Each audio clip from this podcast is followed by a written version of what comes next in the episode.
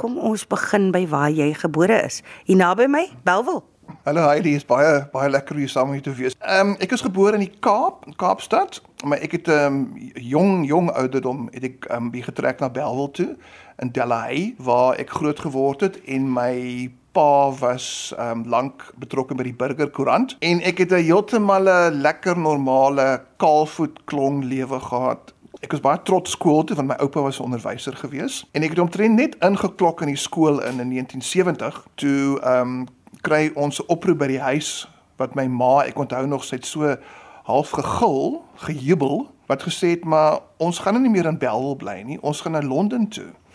My pa wat in daai stadium 30 jaar oud was, hy is verplaas Londen toe om die burger se kantoor daar te beman. Soos ons sak en pak family, my pa's 30 en ma's 29, drie orrelpypies waarvan ek die oudste is, um 'n broer en 'n suster. Toe bevind ons onsself in die middel van um 1970 in in Londen. As Elon Musk na die dag Mars toe vlieg en na eerste mens land op Mars, gaan daai mense omtrent net voel soos ek gevoel het toe ek in Londen aankom. Dis hoekom wat ek by jou wou vra. Kyk, ons word anders groot. En nou word jy daar neergesit. Jy's 6 jaar oud. Jy moet nou nuwe maatjies maak in. Jy praat Afrikaans. En onthou net hy, dit is nie so 'n vandag nie. Ek bedoel ons ken nou almal iemand wat werk in Londen, woon in Londen, jy WhatsApp elke dag met iemand in oorsee van Skandinawië, Londen, New York toe.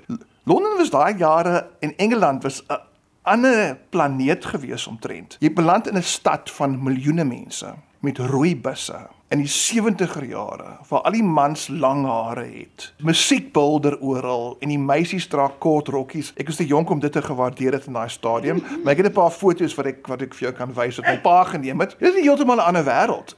En die twee groot goed wat ons gehad het daarso was televisie, want nie was die televisie in Suid-Afrika nie, en ons het gehad 'n moltrein. Ek dink daai 4 jaar in Londen, daai ouderdom het beslis gehelp om te vorm wie ek vandag is. En toe ek sulke herinneringe begin neerskryf om met my ma te deel, want my ma was in daai stadium met sy so begin ly aan demensie en ek kon sien as ek dit goed vir haar lees oor die maaltye wat ons by die skool gehad het en hoe my ma vir ons drie na die vismarkie toe moes sleep in Londen om kippers te gaan koop en makreel en dis meer en hoe sy uit haar Franse kookboeke iets probeer saamslaan vir ons eksperimenteel. Het sy baie waardering daarvoor geput en baie genot en toe besef ek maar as ek hiermee 'n narratief kan skep wat vir haar betekenisvol is. Fantasties, toe begin ek alles neerskryf en so skryf ek en skryf ek en skryf ek toe beland ek met herinneringe van 220 bladsye wat nou wat nou die boek is. Ons het terugkom Suid-Afrika in 1974 waarvoor ek baie dankbaar was want dit was weer lekker om son te sien, om vleis te braai en jou pels en ek het so stadig gaan weer Afrikaans begin leer praat. Alhoewel iemand sê nou die dag nog vir my praat met 'n Engelse aksent Afrikaans, maar ehm um, dit het van vroeg af vir my besef daar's 'n groter wêreld daar buite. Krummels in my koffer. Hoekom krummels in my koffer? Stories oor kos en plekke.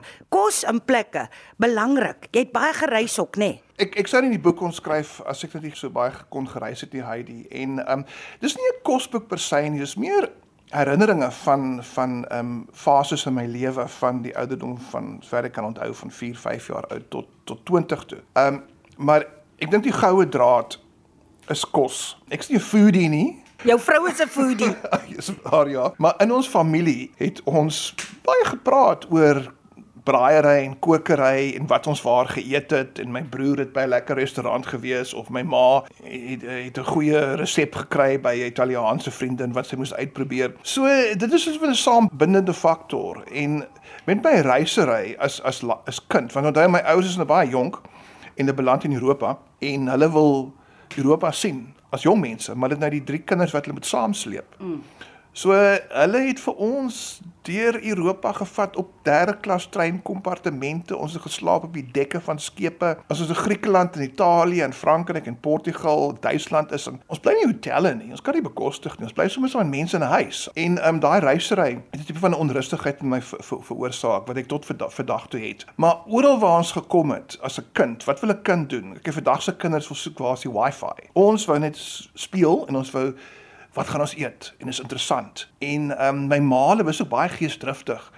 Hulle sou vir ons sê, "Eers like ons gaan na Griekeland toe. Weet jy wat eet ons daar? Ons eet ehm um, moussaka." Wat nou soos 'n lasagne is met eiervrug op en wow en As ons in Duitsland is, sê my pa vir my, "Jesus, ek nou gaan julle nou hierdie lekkerste worse eet." So hulle hulle gees terug vir dit oorspoel na my toe. En toe ek nou die storie skryf, is dit reis en die tyd in my lewe. Maar die prikkel daardeur is maar die verskillende geregte en die kos en dis meer van fabelagtige maaltye wat ek bevoorreg was om te gehad het in Parys tot toe ek as 20 jarige na die army toe gaan backpack ek nou deur Europa. Lank voor backpack nou vir Suid-Afrikaners eintlik 'n ding was. Ek dink ek in ek het in 1 jaar twee Suid-Afrikaners raak geloop. Wat soos ek gebackpack het. Dit was natuurlik was 'n groot apartheidsjare gewees, nê. Nee. So jy het gesukkel om visums en goed te kry en ehm um, jy jy moes maar jou jou jou politieke debat voer en kennis hier daarin stap in ja. een van daai daai jeugplekke, maar dit was my fantasties. En daar het ek geleef van kaas en tomaties en brood basies, jy weet vir 'n vir 'n jaar, want is al wat ek kon bekostig. Maar ek het geweet dat 'n Portugese tamatie en 'n Griekse tamatie is twee verskillende dinge. Burrata of mozzarella kaas van Italië is heeltemal anders as Franse Roquefort. So die eenvoudige goed in kos is vir my ook baie belangrik en is dis deel van 'n mens se kultuur. Absoluut. En dis hoe ek dit ervaar. Dan was daar op 'n keer wat baie interessant is. Jy het so terwyl ons net so lekker gesels het, vertel dat jy vir sakgeld krewe gaan uithaal het. Vertel gou 'n bietjie meer daaroor. Dit was weer eens net uh, omstandighede. Ons het in Seepunt gebly en hier is ek na 4 jaar in Engeland. Hier is ek langs die see, so 'n paar blokke van die see af gebly en ek het um van die kleintyd af perlemoen en kreef begin uithaal vir sakgeld. Iemand sou 'n perlemoen by jou koop as dit regtig 'n groot perlemoen was, dan sou dit so 50 sent haal. Want perlemoen is daai jare nie beskou as iets spesonders nie. En 'n kreef sou jy R1.50 of so iets kry. En ja, dit is ek my sakgeld verdien het. En ek het op snoekboot toe ook uitgegaan. Dis waar ek um, my sin vir idiomatiese Afrikaanse taalgebruik geleer het, is op 'n op 'n boot saam met 'n klomp local vissers. Beste ervarings ooit. En 'n snoek is nog steeds die koningskos uit die see uit, snoek in 'n galjoen. So dit was die see het 'n baie belangrike rol gespeel.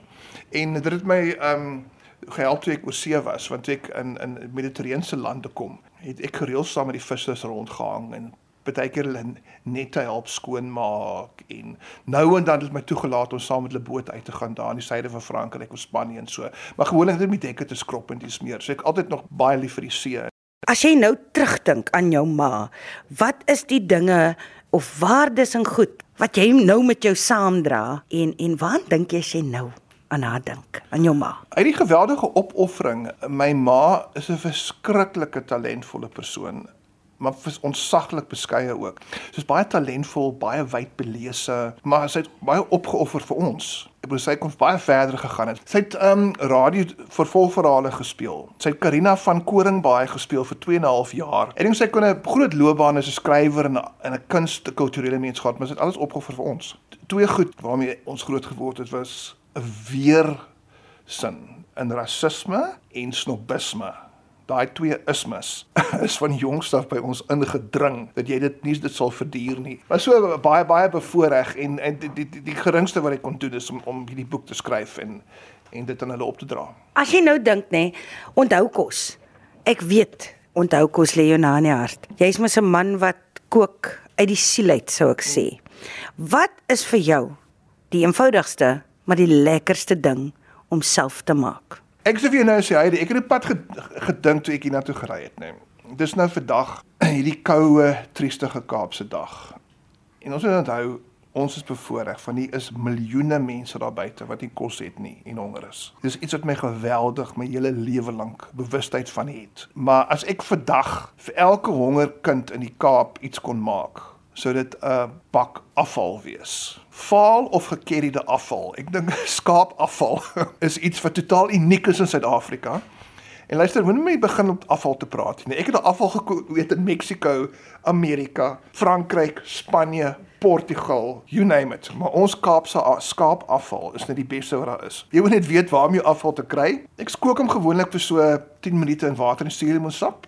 Gooi die water af en dan gooi ek hom in 'n pot met bietjie witwyn water, laurierblare, paar hessies knoffel, 'n paar opgekapte wortels, 'n bietjie hoenderaftreksel, 'n bietjie woestersous. Ek my my vrou klap my altyd as ek woestersous tafel bring wanneer ek gooi dit oor alles. En ek sit hom in 'n lae oond vir 8 ure op so 120. As hy daar uitkom, haal ek die bene uit en dan sny ek vir my um, um op opgekapte aardappels daarin, 'n kwarte.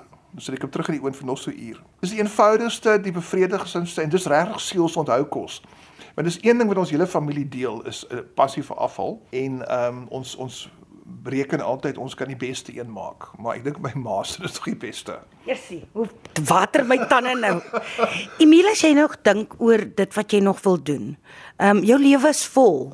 Wat bly nog vir jou oor? Wat wil jy baie graag nog doen of wat is daai droom wat nog in jou kop bly maal? Ek dink elke keer as ek 'n laptop oopmaak, na skerm sien, dan sal net een wêreld van moontlikhede wat voor lê. So ek wil nog 'n paar beduidende goed vir myself probeer skryf. Ek probeer werk aan 'n aan 'n roman of miskien nog onthou goed. So dit is my belangrik om voort te gaan met my met my skryfwerk. En miskien 'n boek oor die Suid-Afrikaanse wynbedryf. Ek doen 'n baie navorsing daaroor en en hier in Suid-Afrika het ons so unieke wynbedryf. Um veral met die geskiedenis van die van die VOC. Ons is die ouste oudste wynbedryf van die soort van nuwe wêreld. Nuwe wêreld is nou alles buite Europa. En ehm um, ek voel ek sou graag so iets wil pak. En as jy vra plekke wat ek wil sien, twee, ek wil baie graag weer 'n geruime tyd deurbring in Bourgondië in Frankryk dit maak die gesogste wyne in die wêreld en as jy eers daar is dan weet jy hoe kom. Die wyn het begin deur die monnike 900 jaar gelede, die monnike die wingerde verbou en die wyne katedrale en wynkellers en alles loop so saam. So jy voel daar so asof wyn werklik waar kom van 'n ander ander plek af. Is 'n fantastiese deel van die wêreld. En ek wil dan die ander deel van my is om vir wat die see betref. Ek sou baie graag daar in die verre stille oseaan, daar by Tahiti, ehm um, Fiji, maar daai Polinesiese eilande en so en dit sal ek baie graag graag wil sien. So mense wat 'n bietjie meer oor jou wil gaan lees, e-mail waarheen gaan hulle? Ek skryf oor wyn vir die burger. My blog se naam is winegoggle.co.za. Soos die Engelsman sou sê, "Are you happy where you at?" Is jy gelukkig waar jy nou is? Solank ek 'n goeie boek by my het, 'n pen, 'n goeie glas wyn en aangename aardse charmante mense soos jy Heidi. Ooh. Kan mens mos nou nie anders as gelukkig wees nie. Yes. Daar sy. Ek voel gevlei.